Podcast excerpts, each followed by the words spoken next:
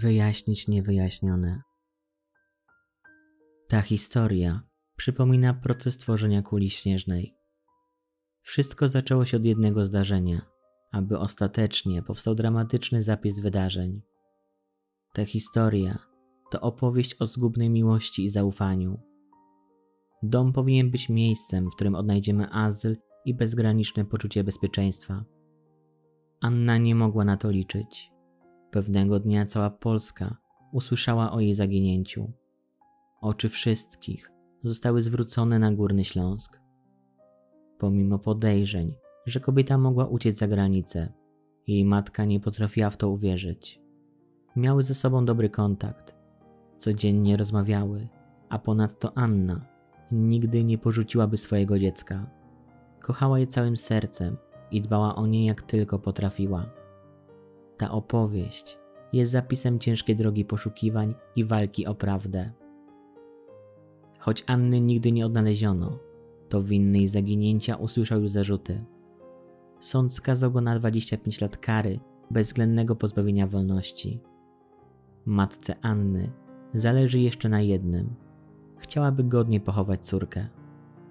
Zapraszam do wysłuchania historii Anny Garskiej.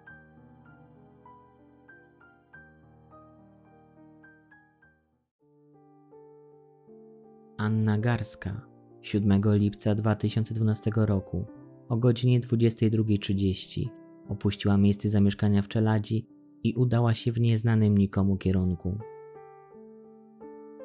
Tak brzmiał jeden z pierwszych przekazów medialnych, mówiący o zaginięciu kobiety. Podano też szczegółowy rysopis zaginionej. Anna miała 165 cm wzrostu i ważyła 55 kg. Była szczupłej budowy ciała i miała długie włosy do ramion koloru kasztanowego, kolor oczu zielony. Podano również cechy szczególne kobiety. Blizna pooperacyjna na brzuchu po prawej stronie. Anna tego dnia ubrana była w bluzę w poziome pasy, koloru biało-brązowego, spodnie długości 3 czwarte koloru granatowego, szary rozpinany sweter i buty sportowe marki Nike. Anna miała też przy sobie skórzaną torebkę na pasku w kolorze jasnego brązu oraz beżową walizkę na kółkach. To ważne informacje, ponieważ pierwotna wersja wydarzeń zakładała ucieczkę z domu. Choć z czasem zmieniały się fakty i okoliczności, to główny motyw zawsze pozostawał ten sam. Po kłótni z mężem Anna miała się zdecydować na wyprowadzkę, jednak nie zabrała ze sobą dziecka. Miała wrócić po nie w nieokreślonym czasie. Te założenia od początku budziły niepokój matki Anny. Doskonale znała swoją córkę i wiedziała, że w pierwszej kolejności zabrałaby swoje dziecko, a później przyjechałaby do niej. Anna Garska to była zaradna kobieta, silnie związana z własną rodziną. Była odpowiedzialnym człowiekiem i nigdy nie wyruszyłaby w podróż w nieznane, jak próbowano udowodnić śledztwie. Ta sprawa mogłaby otrzymać tytuł zbrodni doskonałej, jednak sprawca popełnił kilka błędów, na tyle istotnych, że w efekcie końcowym usłyszał najcięższe zarzuty, a wyrokiem prawomocnym został skazany na 25 lat pozbawienia wolności. Wyrok, który zapadł, jest sprawiedliwy, choć ciała Anny nigdy nie odnaleziono. Historia Anny Garskiej na długo zapada w pamięci. Jest to dramat wielowątkowy, pokazujący ciemne strony życia. Historia Anny powinna być początkiem zmian w prawie karnym. Największa miłość. Anna Garska jako młoda dziewczyna uchodziła za osobę nieśmiałą. Była niepewna i miała problemy z podejmowaniem własnych decyzji. Na randki nigdy nie chodziła. Anna w ogóle nie spotykała się z mężczyznami. Bliscy kobiety określali ją typem chłopczycy. Lubiła luźne ubrania, niechętnie się malowała. Jej matka, Michalina Kaczyńska, pewnego razu postanowiła zapisać ją na tańce. Ojciec zaś uczył Annę wspinaczki górskiej. Chcieli w ten sposób pomóc córce w odnalezieniu własnej pasji. Kończąc klasę maturalną, Anna na bal studniówkowy wybrała się samotnie. Tak po prostu było jej wygodniej. Nie chciała z nikim wiązać się na siłę. Pierwszego chłopaka Anna poznała dopiero po rozpoczęciu studiów na kierunku administracji. Zapowiadało się na poważny związek. Jednak pewnego dnia Anna postanowiła odejść od swojego partnera. Ukończyła studia i zatrudniła się w placówce Zakładu Ubezpieczeń Społecznych. Dopiero w 2004 roku Anna poznała swojego przyszłego męża Marka G. za pośrednictwem internetu. Gdy zaczęli się spotykać, kobieta rozkwitała każdego dnia coraz bardziej. To była największa miłość w jej życiu. Marek już wtedy marzył o tym, aby zostać policjantem. Zanim jeszcze mężczyzna wyjechał do szkoły policyjnej w Szczytnie, para zdecydowała się na to, aby wspólnie zamieszkać.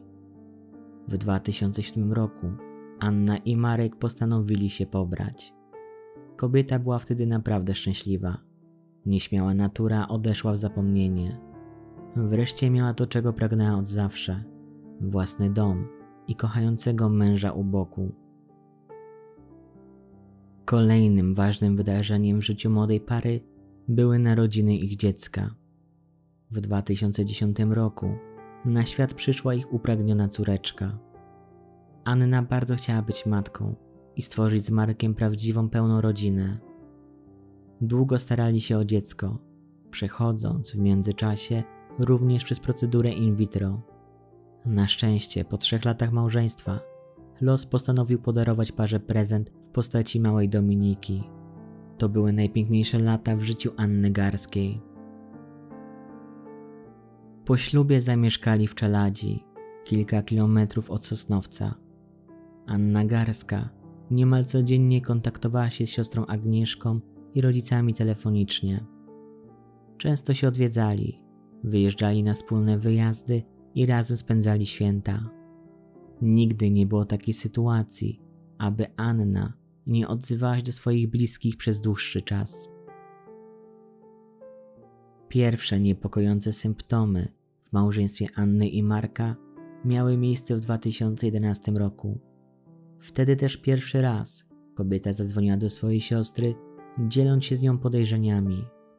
Była niemal pewna, że jej mąż ma romans. Początkowo rodzina Anny starała się ją uspokoić, tłumacząc, że jest przewrażliwiona. Wzięli nawet stronę Marka, mówiąc, że to dobry chłopak, ciężko pracuje, ale zawsze znajduje czas na opiekę nad dzieckiem. Państwo kaczyńscy nawet nie dopuszczali do siebie myśli, że ich zięć mógłby dopuścić się zdrady. Dlatego byli przekonani, że Anna jako młoda matka jest przemęczona domowymi obowiązkami i wmawia sobie zdradę męża. Te wydarzenia były tak naprawdę początkiem dramatycznych losów Anny. Wtedy jeszcze kobieta nie miała świadomości, w jak wielkim żyje niebezpieczeństwie. Dopiero śledztwo prokuratury dało jednoznaczną odpowiedź na niemal wszystkie zadanych pytań. Ucieczka Anny Anna Garska zaginęła 7 lipca 2012 roku w Czeladzi. Jak wtedy zeznał jej mąż Marek G., po kłótni miała spakować się i głosić mu, że to koniec. Zaznaczyła jednak, że wróci jeszcze po córkę. Dorobek całego życia miała spakować w jedną beżową walizkę na kółkach i o godzinie 22.30 opuścić ich wspólne mieszkanie w Czeladzi, udając się w nieznanym kierunku. Zanim jednak doszło do dramatycznych wydarzeń, Anna po południu 7 lipca jak zwykle zadzwoniła do swojej mamy. Opowiadała, że dzień upłynął jej dobrze i całą sobotę wraz z Markiem spędzili z córeczką. Nic podczas rozmowy telefonicznej nie wskazywało, że pomiędzy młodym małżeństwem rośnie napięcie. Wręcz przeciwnie, Anna była bardzo szczęśliwa i pogodna. 8 lipca 2012 roku, w godzinach porannych, do domu rodzinnego Anny zadzwonił jej mąż. Zadał wtedy pytanie, które matka kobiety zapamięta do końca życia. Zapytał, czy Anna dzwoniła do niej. Po uzyskaniu przeczącej odpowiedzi wyjaśnił, że żona w nocy odeszła od niego, zostawiając go samego z małym dzieckiem. Ta informacja postawiła na nogi całą rodzinę Kaczyńskich. Niemal natychmiast wyruszyli w podróż do domu córki. Poszukiwanie na własną rękę rozpoczęły się niezwłocznie. Rodzice Anny chodzili po całej czeladzi, sprawdzając pustostany, zarośla i małe stromyki. Mąż Anny Garskiej oficjalne zawiadomienie o zaginięciu złożył dopiero w poniedziałek 9 lipca, po upływie 48 godzin od daty zaginięcia. Jako policjant grupy operacyjnej zajmujący się przestępstwami gospodarczymi kierował się bardziej biurokracją i utartymi policyjnymi procedurami. Podczas gdy rodzina kobiety prowadziła swoje poszukiwania, Marek G. nie angażował się w nie. On w tym czasie próbował przeprowadzić własne śledztwo, mające na celu wytropienie ewentualnego mężczyzny, z którym mogła uciec jego żona. Zaczął od byłego chłopaka Anny z czasów studiów, kończąc na mężczyźnie, z którym Anna Garska kiedyś zatańczyła. Pani Michalinie Kaczyńskiej intuicja nie dawała spokoju. Wersja wydarzeń jej zięcia od początku wydawała się być niespójna. W noc zaginięcia Anny nad czeladzią przechodziła potężna burza. Anna Garska od dziecka panicznie bała się burzy. Nigdy wtedy nie wychodziła z domu, a najchętniej schowałaby się wtedy w pralni, aby przeczekać nawałnicę. Dlatego pani Kaczyńska była bardzo zdumiona na wieść, że jej córka w trakcie tak bardzo znienawidzonej pogody zdecydowała się na odejście z domu. Jeszcze jedna kwestia nie dawała jej spokoju. Przepytani sąsiedzi zgodnie twierdzili, że tej nocy nic nie słyszeli.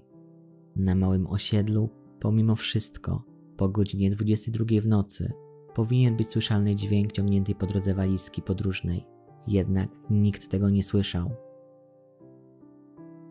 Początkowo sprawę prowadzili policjanci z Komendy Powiatowej Policji w Będzinie.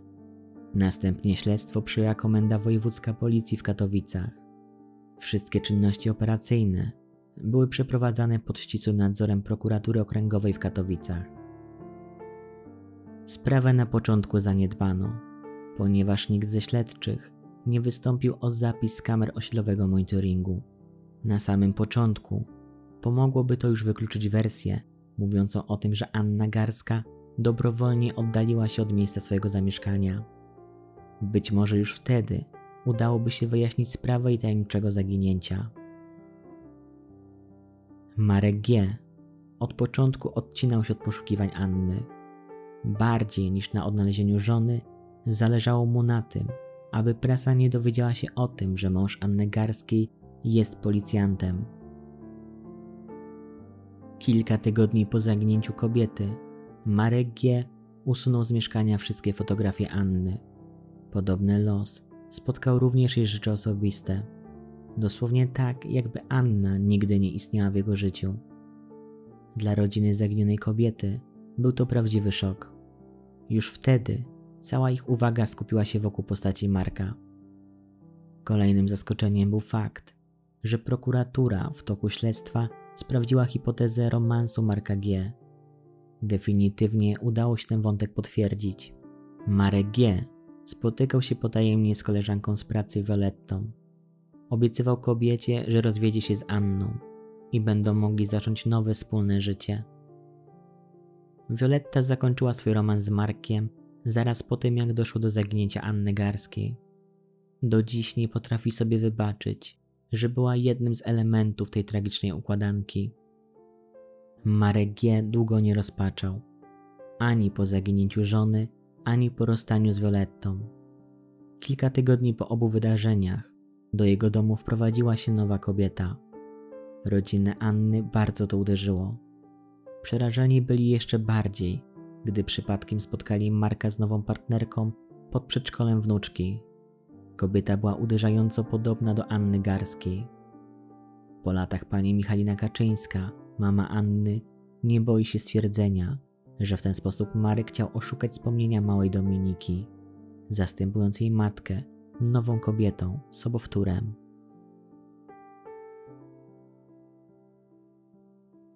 Oszukać system. 4 marca 2014 roku 30 funkcjonariuszy policji wyruszyło w teren. Na polecenie prokuratury okręgowej w Katowicach postanowiono przeszukać rozległe tereny łąk w Czeladzi. Metr po metrze sprawdzano tereny leżące przy drodze krajowej nr 86.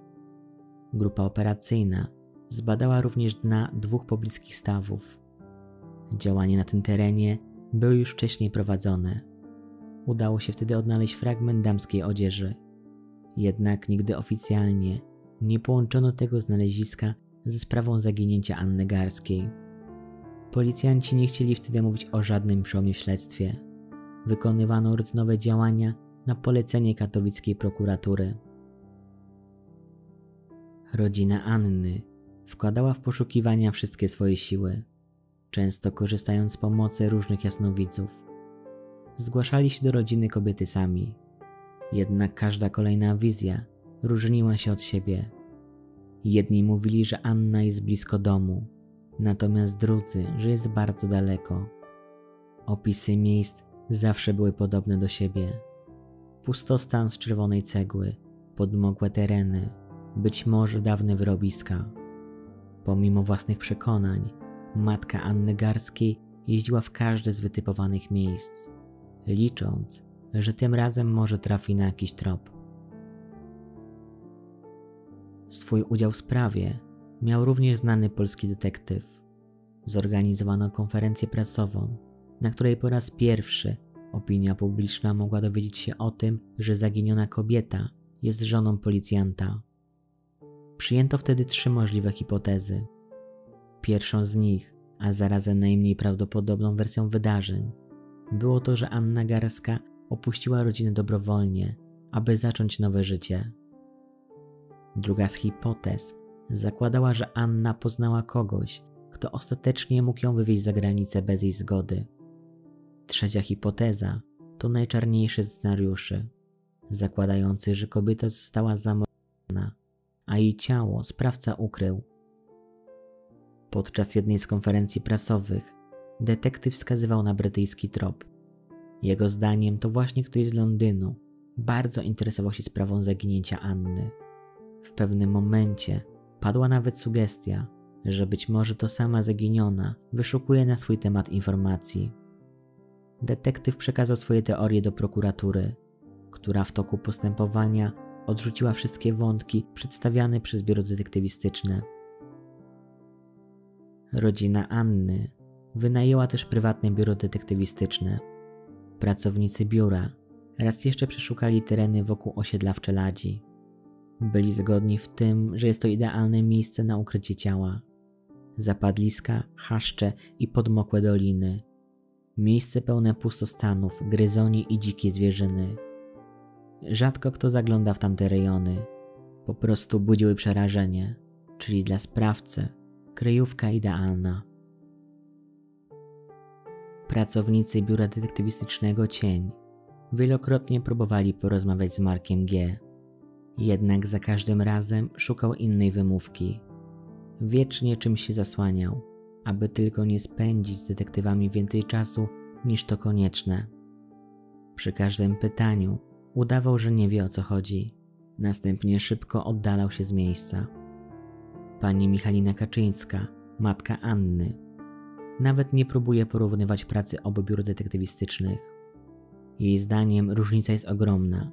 Dzięki wysiłkom pracowników cienia i współpracy z Biurem Spraw Wewnętrznych udało się, aby w sprawie coś drgnęło. W grudniu 2012 roku sprawę Anny Garskiej przejęła Komenda Wojewódzka w Katowicach, Biuro Spraw Wewnętrznych oraz Prokuratura Okręgowa w Katowicach. Sprawa Anny do dziś omawiana jest na różnych uczelnianych wykładach, jako przykład wzorcowy współpracy wielu struktur. Omawiana też jest jako wzór prawidłowego prowadzenia śledztwa poszlakowego. Gdy Biuro Spraw Wewnętrznych zainteresowało się sprawą, na polecenie prokuratury wezwano na przesłuchanie policjantkę mającą romans z Markiem. Spłoszona kobieta już po pierwszym przesłuchaniu zdecydowała się na zakończenie relacji.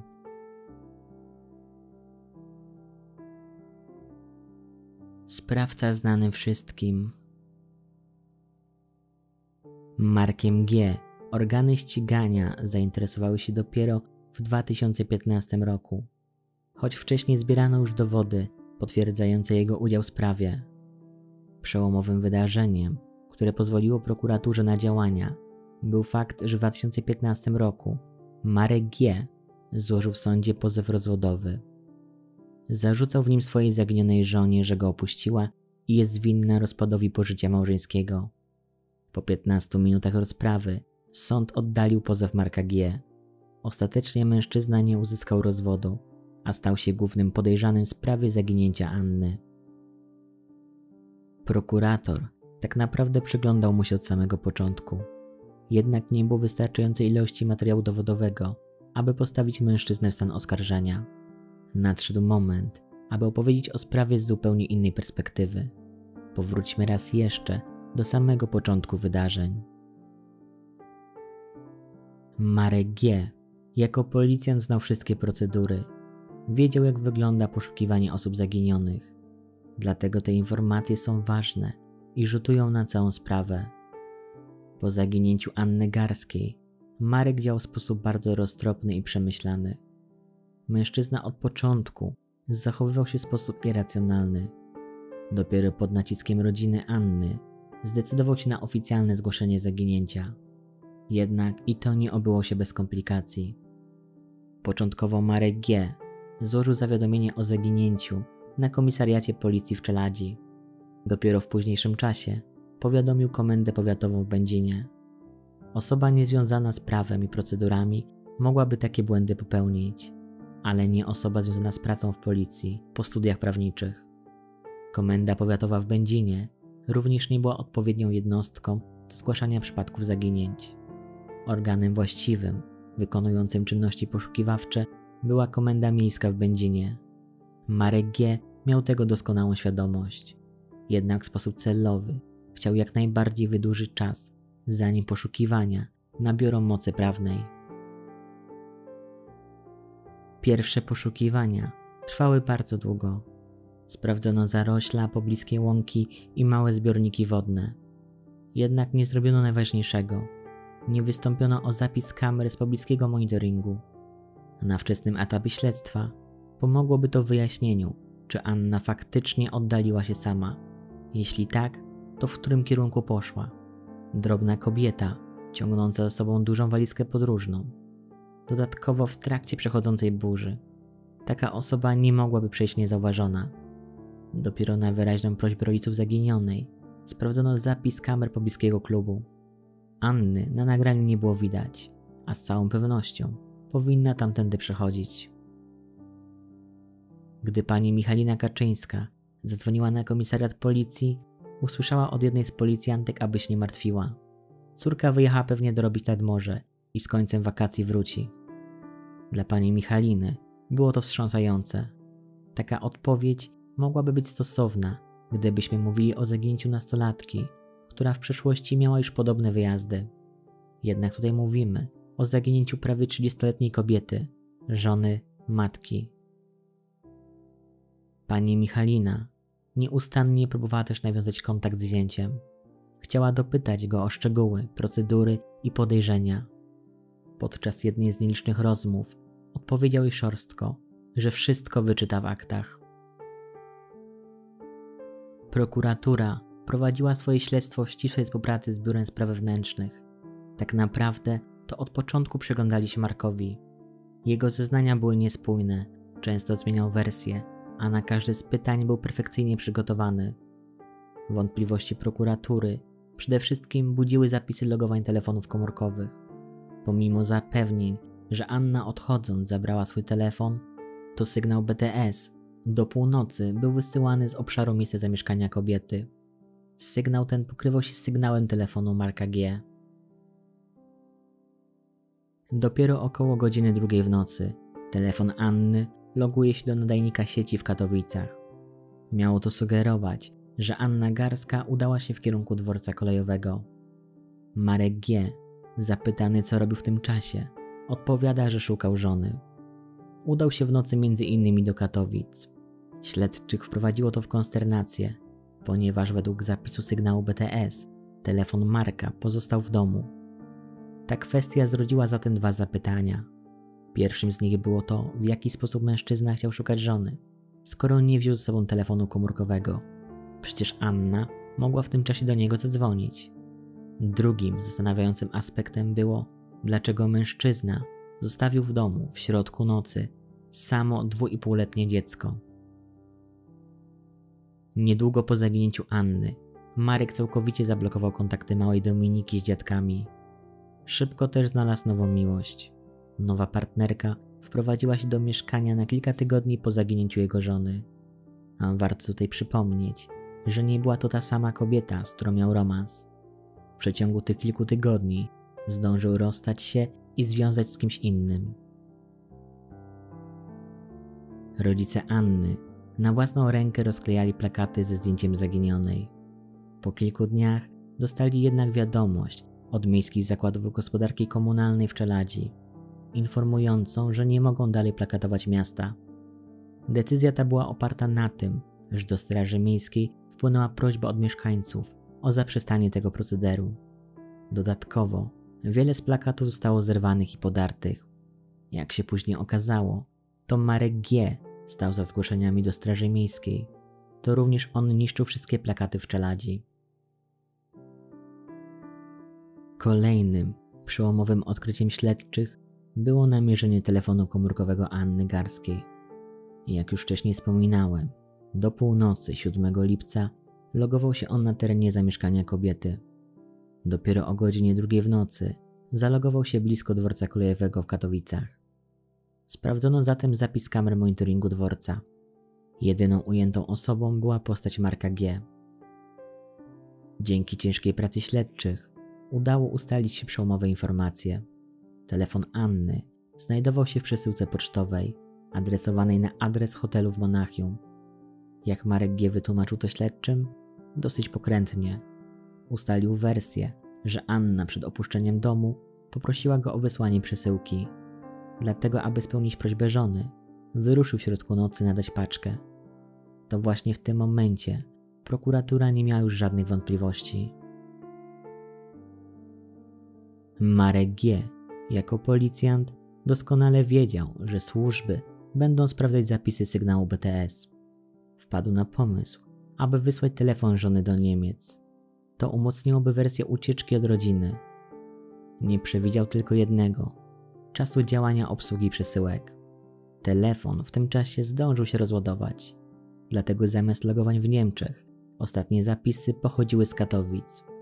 Śledczy nigdy nie zdradzili, w jaki sposób doszli do tych ustaleń, ani w jaki sposób udało im się zlokalizować przesyłkę, która wróciła do kraju. Natomiast udało im się pobrać odciski palców, które bezsprzecznie wskazywały na udział Marka. Linia obrony próbowała to później tłumaczyć faktem, że koperty znajdowały się w domu, stąd na nich ślady ich klienta. Prokurator jednak nie dał wiary tej wersji. Przeprowadzono także szereg czynności procesowych. Wskazały one na to, że do dramatu Anny doszło w łazience, podczas gdy zażywała kąpieli. 1 października 2015 roku doszło do zatrzymania Marka G. Początkowo postawiono mu dwa zarzuty: artykuł 151 kodeksu karnego, a także artykuł 18, paragraf 2 kodeksu karnego, w związku z artykułem 233.